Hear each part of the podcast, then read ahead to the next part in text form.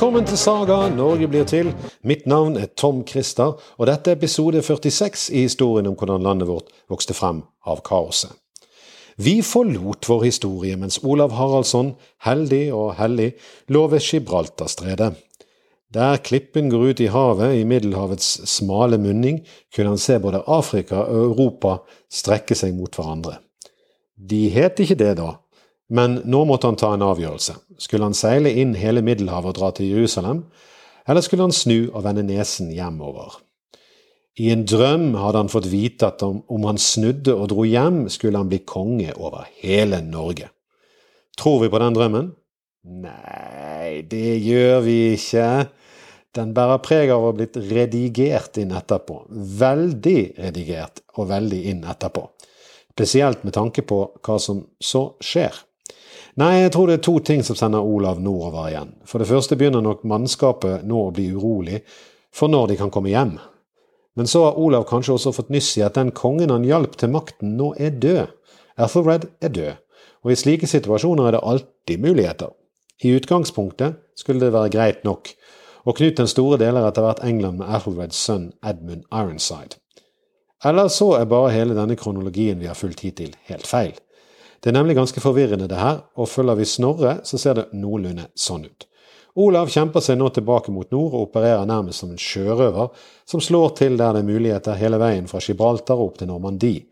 Der treffer han Ethelreds sønner hos hertug Rikard av Normandie i Rouen. Men her stemmer ikke Snorres beretning med andre kilder. Et mer sannsynlig scenario er dette. Olav forlater England og går i tjeneste hos Rikard, hertug av Normandie. Det er han som får han til å herje Dol på grensen mellom Normandie og Bretagne, der han massakrerer hele befolkningen. Rikard er jo etterkommer etter Gangerolv, vikingen som Harald Hårfagre landsforviste. Og Olav mener jo seg sjøl å være en etterkommer av Harald Hårfagre. Sagaene sier også her at Olav blir døpt for tredje gang i roa. Første gang var hedensk dåp av Rane, så var det Olav Tryggvason som døpte han kristent, og nå står han mest sannsynlig i konfirmasjon hos erkebiskopen i Rouen. Historien Snorre forteller om at han der møter Ethelreds barn og lager en allianse med de, stemmer kanskje, men mest sannsynlig skjer dette på et annet tidspunkt. Det kan se ut som det blandes litt, og at Olav faktisk først er i tjeneste hos Rikard i Normandie, og først etter det drar til England og slåss for Ethelred. Stokker vi det slik, stemmer historien bedre kronologisk, og hele historien om Gibraltar blir enten en egen historie eller bare seinere påfunn. Fordi når Olav kommer tilbake, eller egentlig når Knut kommer tilbake til England, har vi andre kilder på at Olav bytter side. Olav går i danske Knut den stores tjeneste, eller Knut den mektige. Auda, den samme Knut som han tidligere har kastet ut av England i samarbeid med Torkjell Høge og Ethelred. Kan virkelig Knut si ja til dette og stole på han? Det som skjer, henger sammen med årsaken til at Torkjell Høge i sin tid skiftet side fra danene til engelskmennene. La oss ikke gjenta det i detalj, men kort oppsummert så uh, var det slik at Torkjell og Olavs sideskifte skyldtes en krangel om erkebiskopen av Canterbury, og det Torkjell oppfattet som et svik fra sine egne. Men Torskjell og Olav har, i motsetning til hvordan Snorre forteller historien, ingen lojalitet til Ethelreds barn. Dermed velger de en annen side i den neste striden. Det er med å tippe vektskålen for Knut, men ikke helt. Krigen mellom Knut og Edmund ender på en måte uavgjort i England. Kompromisset blir at de skal dele landet, og at den som dør sist, skal han overta som enekonge. Altså, hvor dum går det an å være? Sånne avtaler er jo bare en åpen invitasjon til bakhåndsangrep, snikmorderanbud og ulykker med litt hjelp. Og skulle du sett, Edmund dør kort tid etter. Hvor mye hjelp han fikk, vet ingen, men det spekuleres godt i at noen forgiftet han. Men når han dør, tar Knut over alt. Det går ikke helt knirkefritt, så det blir litt sånn konflikt, men motstanden er svak. I denne konflikten har altså, altså Olav vært på Knuts side. Han er med Knut, til Knut har erobret hele Wessex. Det er jo litt påfallende at Olav kan hoppe sånn fra side til side uten konsekvenser. Han har jo sin engelske motpart, den herostratisk uh, beryktede Edric Austriona, som vi har nevnt før. Og nå er det sannsynligvis denne Edric Austriona som, som indirekte legger kjelker i veien for forholdet mellom Knut og Olav. På et eller annet vis har Olav en forventning om at han skal bli gjort til jarl over Northumbria. Men den æren får han ikke. Årsaken er Eirik Ladejarl. Etter at han betaler Edric Strona ved å hugge hodet av ham, er det han og ikke Olav som får Northumbria. Og da blir Olav litt misfornøyd. Vi kjenner jo Olavs lynne etter hvert fra hans ungdomstid og Sigurd Syr. Dette er ikke en som søker kompromiss. Men det finnes selvfølgelig en annen versjon av dette, og den er nok veldig påfunnet. Er dette en sammensvergelse? Gjør Olav det han nå gjør i samråd med Ethelreds barn, eller er det bare en hevn på Knut, eller er det optimisme, eller er det noe annet? Olav er godt kjent med historien om Olav Tryggvason, og kanskje gir den han tro på at bare en liten styrke kan overta Norge med litt flaks og litt dyktighet. Ofte er det også slik at de som styrer, blir upopulære etter hvert. Det er lett å bli valgt, og vanskeligere å bli gjenvalgt. Så hva skjer? Olav drar i sinne fra Knut med sin mann, sine menn, ca. 240-tallet. Først tar de et reid mot den engelske kysten og skaffer seg litt rikdom på den måten. De har nå så mye gods at de må skaffe seg nye skip. De etterlater langskipene og skaffer seg to knarrer i stedet. Knarrer er skip som er beregnet til å frakte varer. Unnskyld. De er mer handelsskip enn krigsskip. Med disse to knarrene 240 mann og lasterommet fullt av engelske verdisaker, setter Olav kursen mot Norge. Om det er flukt eller invasjon, hvem vet? Det kan se ut som han har med seg prester også, og det kan virkelig litt rart på oss det der med prester på røvertokt, men milde, fredsele munker er en type munker og prester som kommer litt seinere, kanskje. Og er en type munker og prester. Men denne tiden hadde også en ganske annen gruppe, nemlig krigerske prester og munker. Det virker i det hele tatt som at femte, sjuende og niende bud, du vet de som sier at du ikke skal stjele, myrde eller trakte din nestes eiendom, det virker som disse budene er sett på mer som hmm, muligheter og ikke bud i denne tiden. For denne kommende helgenkongen har jo ikke gjort annet sitt hele sitt voksne liv enn å røve og plyndre. Men det finnes selvfølgelig en annen historie om hvordan Olav kommer på kant med Knut. Den handler om kristelighet og bærer preg av å være en historie som skal vise hvor kristen kong Olav er. I denne historien har Knut lovet Olav Norge for å slåss på hans side. Det der virker ikke særlig typisk for Knut, men typisk for å forklare at Olav har rett til Norge på et eller annet vis. Det går bra en stund, men det har seg sånn at Knut ikke er spesielt opptatt av det religiøse. Han har bedre ting å gjøre enn å fly på messe hele tiden, og kirken på denne tiden hadde mange av de messene. Det er ikke bare islam som ber fem ganger om dagen nå. Men Olav, hellig som han skal bli, tar seg tid til å gå på messe. Halleluja. Så godt blir han kjent med biskopen at han begynner å kalle han konge. Det kommer Knut for øre, og han tar det ikke pent. Han gir biskopen beskjed om å slutte med det der. Vi får i Flatøyboken samtale mellom biskopen og Knut som virker mm, noe merkelig. Knut påpeker at det er rart å kalle Olav konge når han ikke har noe land. Biskopen har et skikkelig, skikkelig man-crush på Olav og sier han vil rive opp tårnekratt og alt ugress i Guds åkerland og vingård. I stedet vil han så den fruktbare sæden av Guds ord, som vil spire med fullkommen vekst og være kjent og kjærkommen for den høyeste himmelkonge til evig tid. Ja, Tøff i kjeften, han der. Mener du at du tillegger ham mer skinnende gjærtegn enn oss, spør Knut den mektige, og at du ikke holder oss for å være i stand til å gjøre noe gjærtegn? Du har forstått mitt ord helt rett, sier biskopen. Knut blir enda sintere, men biskopen fortsetter å prise Olavs beskjedenhet og pietet. Så sint blir Knut at både prest og Olav må rømme derifra.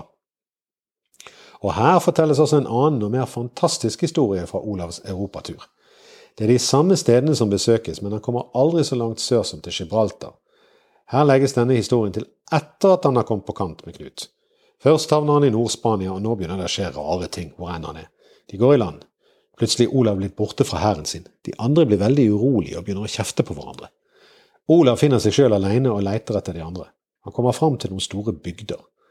Når bygdefolket får øye på ham, er det som de ser en enorm hær følge han, og de lurer på hva de skal gjøre. De tenker at dette blir for mye for oss, så vi får gi han det han vil ha så lenge denne hæren lar oss være i fred. Som sagt, så gjort. De bærer verdisakene for ham, og når han får velge ut den budskapen han vil ha, så drar de ned til skipene igjen. Olav driver dem foran seg ned mot skipene. Når de kommer gjennom skogen, får mennene hans se ham, buskapen og bygdefolket, og de løper imot mot de med hevede sverd. Når bygdefolket nå får se disse vikingene komme imot, så bryter luftspeilingen, og den hæren de har sett, forsvinner i løse luften. De klager og bærer seg, men i valget om å slåss mot vikingene og komme seg hjem igjen, så legger de fra seg verdisakene, stikker og drar hjem igjen. Olav og Rane samler opp verdisaker og buskap og slakter litt, og tar resten med seg. Helt ned til Kadis kommer de. Der påkaller bygdefolket en sjøslange eller en havgyge. Hun kunne synge så vakkert at skip gikk på grunn, vi aner røtter i historien om Medusa og sirenene, og hun kunne skrike så folk mistet vettet. Den andre var en eh, andre tingen de påkalte, var en svær og vill galte.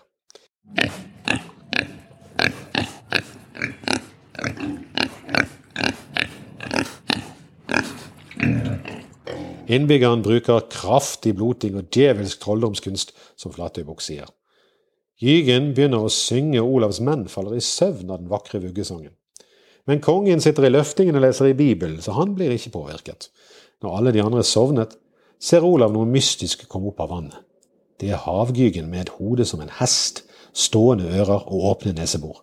Øynene er store og grønne og kjevene svære. Buken er som en hest, med hender istedenfor klover, og videre bakover bukter det seg en ormelignende kropp i vannet. Hun har grå pels som en sel. Jygen vil velte skipet og tar tak i løftingen i den tro at alle om bord sover. Men Olav er våken og griper sverdet og hugger av henne begge hendene. Jygen skriker i merke, smerte med et hyl som Olav aldri har hørt maken til. Jygen slenger seg bakover ned i vannet igjen, bort fra smerten. Nå våkner mannskapet av ulyden og lurer på hva som skjer. Olav ber de verne seg med korsets tegn. Så samler de seg og tar hevn ved å reide på land. Når Olav rir ut i en rydning, blir han angrepet av den før omtalte galten. Den kommer stormende ut av skogen med hele griseflokken med seg. Den er så stor at busten skraper mot de nederste greinene på trærne. Galten skriker og bærer seg og setter kurs, kursen mot Olav på hesten.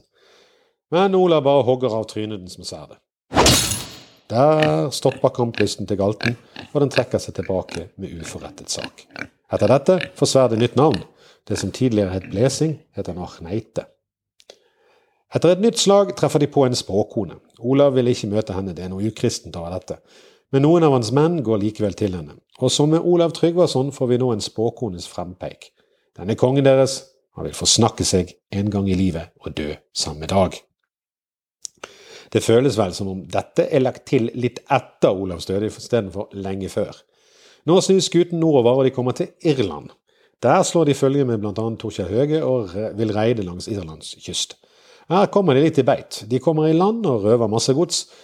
Men så er sjøen fjæret og det er langgrunn, så båtene står fast i gjørmen. Ulikt irene har irene samlet seg for en gangs skyld, og kommer mot dem med en stor hær. Det er da Olav avlegger et løfte som skal bli vanskelig å holde.